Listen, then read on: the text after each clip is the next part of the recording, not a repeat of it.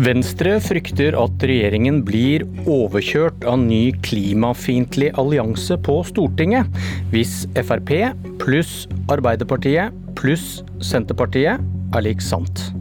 Ikke spesielt lurt å angripe partier en mindretallsregjering blir avhengig av, svarer Senterpartiet, som møter statsråd statssekretær Rotevatn til debatt. Aller først, kommentator i Venstre Sveinung Rotevatn. Hva kan du fortelle om nye statsråder og når de kommer? Jo, Det kan jeg fortelle deg mye om, og nå skal du høre. Uh, nei, vi får se. Kanskje senere, Bjørn Myklust. Du, vi har uh, Vår egen kommentator Takvam sitter her og skal oppdatere oss på det etterpå.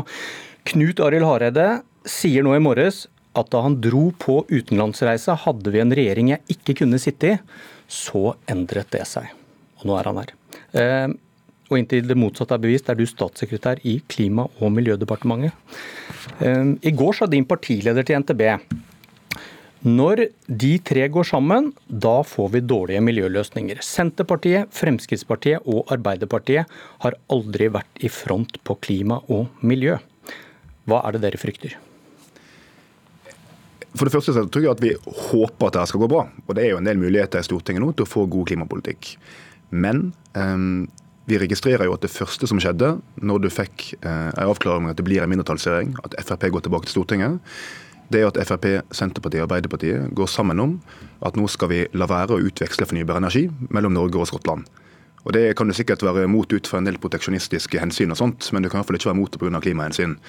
Og Vi har også sett gjennom de siste perioden nå eh, at de to store opposisjonspartiene fram til nå, Senterpartiet og Arbeiderpartiet, har plassert seg i ganske sånn klimafiendtlig retning når det gjelder en eh, rekke spørsmål, enten det er snakk om eh, at de er imot å ha flyseteavgift, eller var billigere bensin, eller de er imot eh, klimatiltak i landbruket, kutt i elbilfordeler. Det er mange ting som nå kan komme i spill.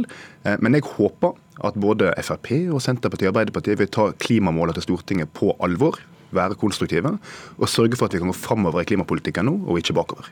Men det går vel an å innvende at denne bekymringen kan høres litt hul ut, fordi norske klimagassutslipp knapt går ned med Venstre i regjering?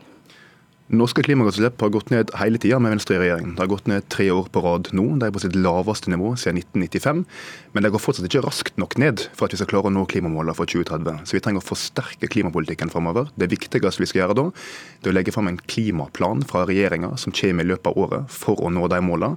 Eh, og Den håper vi i alle fall at opposisjonen vil være konstruktiv eh, i behandling av, for å vedta mer ambisiøs klimapolitikk. Men bare siden du sier det, Venstre har skrytt av nedgang i norske klimagassutslipp på 0,9% fra 2017 til 2018, det siste året vi har tall for.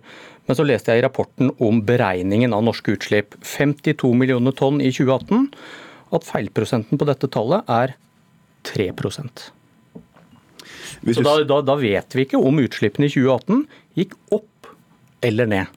0,9% endring er langt innenfor feilmarginen som dere bør operere med. Hvis du ser klimagassutslipp fra veke til veke, måned til måned og i og for seg år til år, så vil det alltid være feilmarginer. Men hvis du ser det over lengre tid, f.eks. nå de tre siste åra, som begynner å bli en viss tidsperiode, så går det altså jevnt nedover. Jeg tror i sum ca. 4,5% i den perioden. Det er på sitt laveste nivå siden 1995 nå. Så det er ingen tvil om at utslippene går ned, og at det har gjort det over tid. Men har du dekning for å si at utslippene gikk ned i 2018, som dere har skrytt av? Det er Statistisk sentralbyrå som sier at utslippene gikk ned i 2018. Men feilmargin på 3% så det kan ha gått opp? Jeg vet ikke hvor masse Svelmagen de opererer med. Jeg hører det er 3 det. Ja, Men jeg vet at i løpet av de siste par åra har det gått jevnt ned hele tida. I sum ca. 4,5, så vidt jeg husker. Så det er ikke tvil om at utslippstrenden nå at de går nedover, og det er over tid en må måle utslipp. Men er du enig i at norske utslipp kan ha gått opp i 2018 hvis det er en feilmargin på 3 Eh, jeg kjenner ikke til hva feilmarginene opererer med, så det vet jeg ikke. Da kan du gå inn på Miljødirektoratet og lese i den rapporten. Marit Arnstad, parlamentarisk leder i Senterpartiet. Hva tenker du om Venstres bekymring for en klimaallianse mellom Frp, Arbeiderpartiet og ditt kjære Senterparti? Nei, så For det første så syns jeg jo at eh, det er litt pussig at en eh, et parti i en regjering som er så svekka som den nye regjeringa nå blir, eh, velger å gå i strupen på den opposisjonen som de kommer til å være helt avhengig av for å få gjennomført ting, i stedet for å være en litt mer inviterende holdning. Men så, men så er det sånn at jeg kjøper jo ikke helt Rotevatn sine forklaringer på, på klima. Eh, når det gjelder NorthConnect, så er det sånn at eh, nå er det håp om at Senterpartiet får, forslag, får flertall for å stoppe den kabelen. Det syns jeg er bra. Vi har nok kraftutvekslingskabler til utlandet per i dag. NorthConnect kommer ikke til å gjøre Norge grønnere. NorthConnect kommer til å kutte utslipp i Skottland, eh, og det kommer til å være til en kostnad på ca. en milliard kroner for norske forbrukere og norsk næringsliv. Er ikke klima et globalt problem, ikke et norsk ja, problem? Ja, men eh, Venstre snakker jo hele tida om at nå må vi bli flinkere til å kutte utslipp i Norge. Da syns jeg vi skal konsentrere oss om å prøve å gi norsk næringsliv en mulighet til å bli grønnere. Eh, det gjør vi ikke ved å etablere den type kabler, det gjør vi ved å satse på en grønnere industri i Norge. Og La meg nevne for tre eksempler. Altså, Regjeringa har inngått en avtale med landbruket om å kutte 5 millioner tonn eh, CO2. Det er bra, men det finnes jo ingen virkemidler for å gjøre det. Det er 40 000 gårdsbruk der som skal endre produksjonene sine, endre driftsmidlene sine, endre måten de gjør ting på. Eh, det ligger ingenting. Vi har altså subsidiert nå elbilsatsing på mellom 5 og 6 milliarder, eh, men ikke en krone i et verktøy til landbruket for å gjennomføre de 5 millionene i reduksjoner. Så har du tungtransporten som også må omstilles fullstendig. Der vil altså ikke regjeringa gå inn for noe her CO2-fond med transportnæringa. I stedet så har de noen sånn klattvise tilskuddsordninger på Enova som stort sett går til små varebiler, men som ikke kommer til å omstille tungtransporten. Og den må omstilles hvis du skal nå klimamål. Og Det tredje er jo at de har jo ingen plan for skog. Både Miljødirektoratet og Nibio sier jo at skogen må med for å, redde, for å binde mer CO2, for å redusere klimagassutslippene. Men denne regjeringa har jo ikke lagt fram noen plan for hvordan du skal ta i bruk skogen for faktisk å redusere utslipp. Hørte du her klimaengasjementet du har eh, etterlyst, Rotevatn? Eh, nei, for jeg vet at eh, stort sett alt hun sa var feil, eller iallfall så stemmer de imot det i Stortinget. F.eks. hun sier at det er ingen virkemiddel i jordbruket. Jo, det finnes en del virkemiddel. Et av de mest effektive har vi nå vedtatt i Stortinget, og det er å forby nydyrking av myr, som gir massive utslipp. Det stemte Senterpartiet imot. Så snakker de om at vi ikke har noe fond for å gi penger til tungtransporten. Vi etablerte det fondet i fjor. Det er på 1 milliard kroner. Jeg hører Marit Hansen si at det er småklatting. Det er betydelige penger, og det går til omstilling av tungtransporten. Men det viktigste vi ser nå i trendene, det er at um, salget av fossilt drivstoff i Norge går nå ganske kraftig nedover. Og elbilsalget eksploderer. Og hva er Senterpartiets svar på det? Jo, det er at Trygve Slagsvold Vedum rykka ut i Dagbladet for et par uker siden og sa at nå må vi kutte i avgiftene på dieselbensin, slik at vi får opp salget av dieselbensin igjen.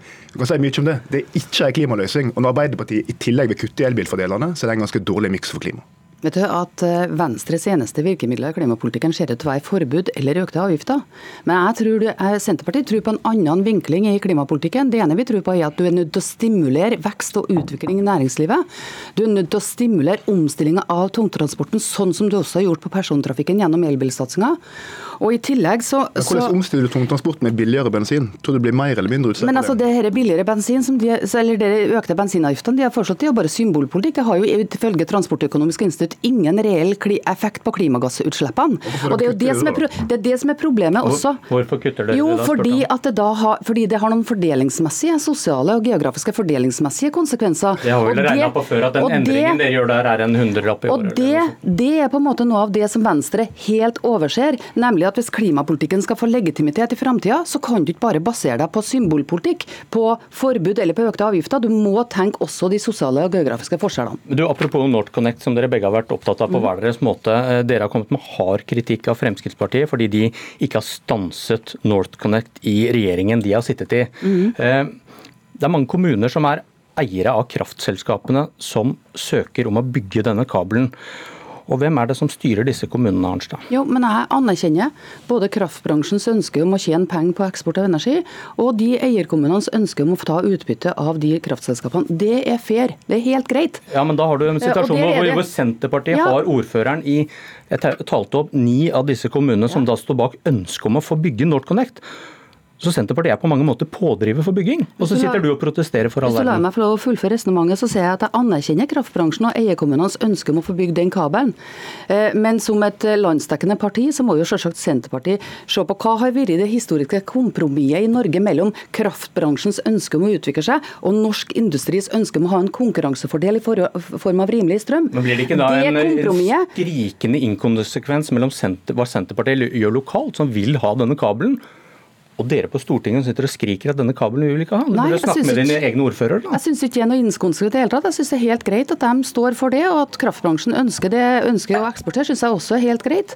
Eh, men poenget er at vi må ivareta det kompromisset som har vært mellom kraftbransje og norsk industri. Og det er det kompromisset Venstre og regjeringa er i ferd med å ødelegge. Og da ødelegger de også norsk industris mulighet til å bli en grønnere industri i framtida.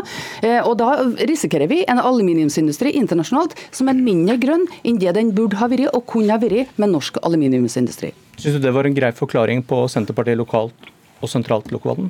Nei, det syns jeg ikke. Det tror jeg ikke så mange av lytterne syns heller. Her er det åpenbart at den ene handa ikke vet hva den andre handa gjør. Nå har vi snakka mye om klimapolitikk. Jeg tror det er dårlig klimapolitikk å kutte i diesel- og bensinavgiftene slik Senterpartiet vil. Men vi har ikke engang snakka om deler av miljøpolitikken, å ta vare på natur og ta vare på rovdyra våre. Der Senterpartiets linje er å utrydde ulv og si nei til all skogvern. Hvis vi nå skal få Frp og Arbeiderpartiet med på den linja, så er det også noe å være bekymra for. Når det gjelder rovvilt, så vil vi bare rett og slett at regjeringa skal slutte å rett og slett eh, boikotte Stortingets vedtak og ikke følge opp Stortingets vedtak. Det eneste vi ber av Venstre i Miljødepartementet der, er at de faktisk respekterer Stortingets vedtak og følger opp det, og ikke leker venstrepolitikk på bakrommet i departementet. For det er det som er problemet. Og det er en dårlig idé. Og Hvis ikke du har lyst til å bli en sånn kommentator, Rotevatn, så må jeg be dere gå. Bli gjerne sittende. Magnus Takvam, politisk kommentator i NRK. De ble sittende, spennende. Eh, nå får vi, når får vi vite om Rotevatn, Raja eller Hareide skal inn i regjeringen?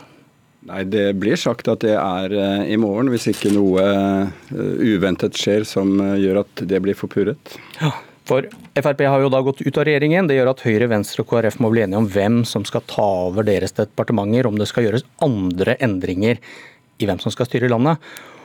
Og så hørte vi nå Hareide landet på Gardermoen, hvor han sa noe sånt som at da jeg dro fra Norge, så hadde vi en flertallsregjering jeg ikke kunne sitte i, men så endret det seg og nå står jeg her og har hatt noen samtaler. Hva kan du si om situasjonen Hareide? Eh, det er opplagt slik at han er eh, veldig aktuell som statsråd. Eh, så skal han ha samtaler med sin egen partiledelse om nettopp det, å komme fram til en konklusjon. Så han er veldig aktuell, men som vi har vært innom mange ganger, så er det jo mange dilemmaer og argumenter både for og imot eh, akkurat det.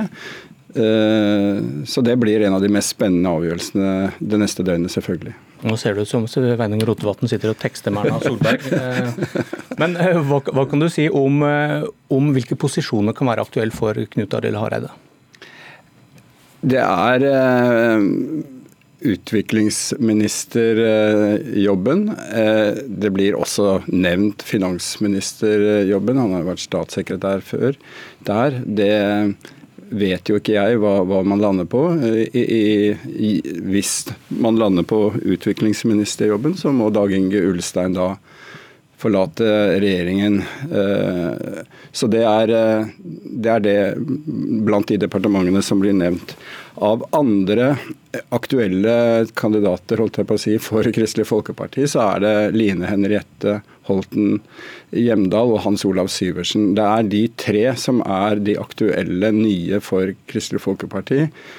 Blant annet, og når det er dem, så er det fordi alle har lang erfaring og har vært på Stortinget, og det mener man i KrF er nødvendig når det blir en mindretallsregjering, å ha tyngde og erfaring med seg.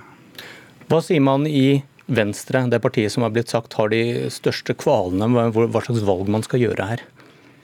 Nei, Det spørs jo litt hvem du spør, selvfølgelig. Men eh, det er en veldig både interessant for utenforstående, men veldig krevende jobb å komponere det laget. Fordi det er jo vevd inn i den åpne maktkampen om lederskap i Venstre som, som pågår. Og da er det jo slik at det er eh, Eh, Trine Skei Grande som vil på en måte kjempe for sin posisjon eh, som fortsatt leder. Hun har jo det privilegium å komponere laget. Det er to muligheter, enten at både Abid Raja og Sveinung Rotevatn kommer inn i regjeringen, eller at ingen av de kommer inn. Hvis man velger en av de to, så det, eh, fører det til opprør eller eh, konflikt med den andre av de to stridende leirene. Og Det kan godt hende at både Raja og Rotevatn kommer inn i regjering. Om man må sette seg inn foran eller bak i bilen på mandag, det vet vi kanskje i morgen. Dette var Politisk kvarter. Jeg heter Bjørn Myklebust. Nå fortsetter Nyhetsmorgen etter Dagsnytt.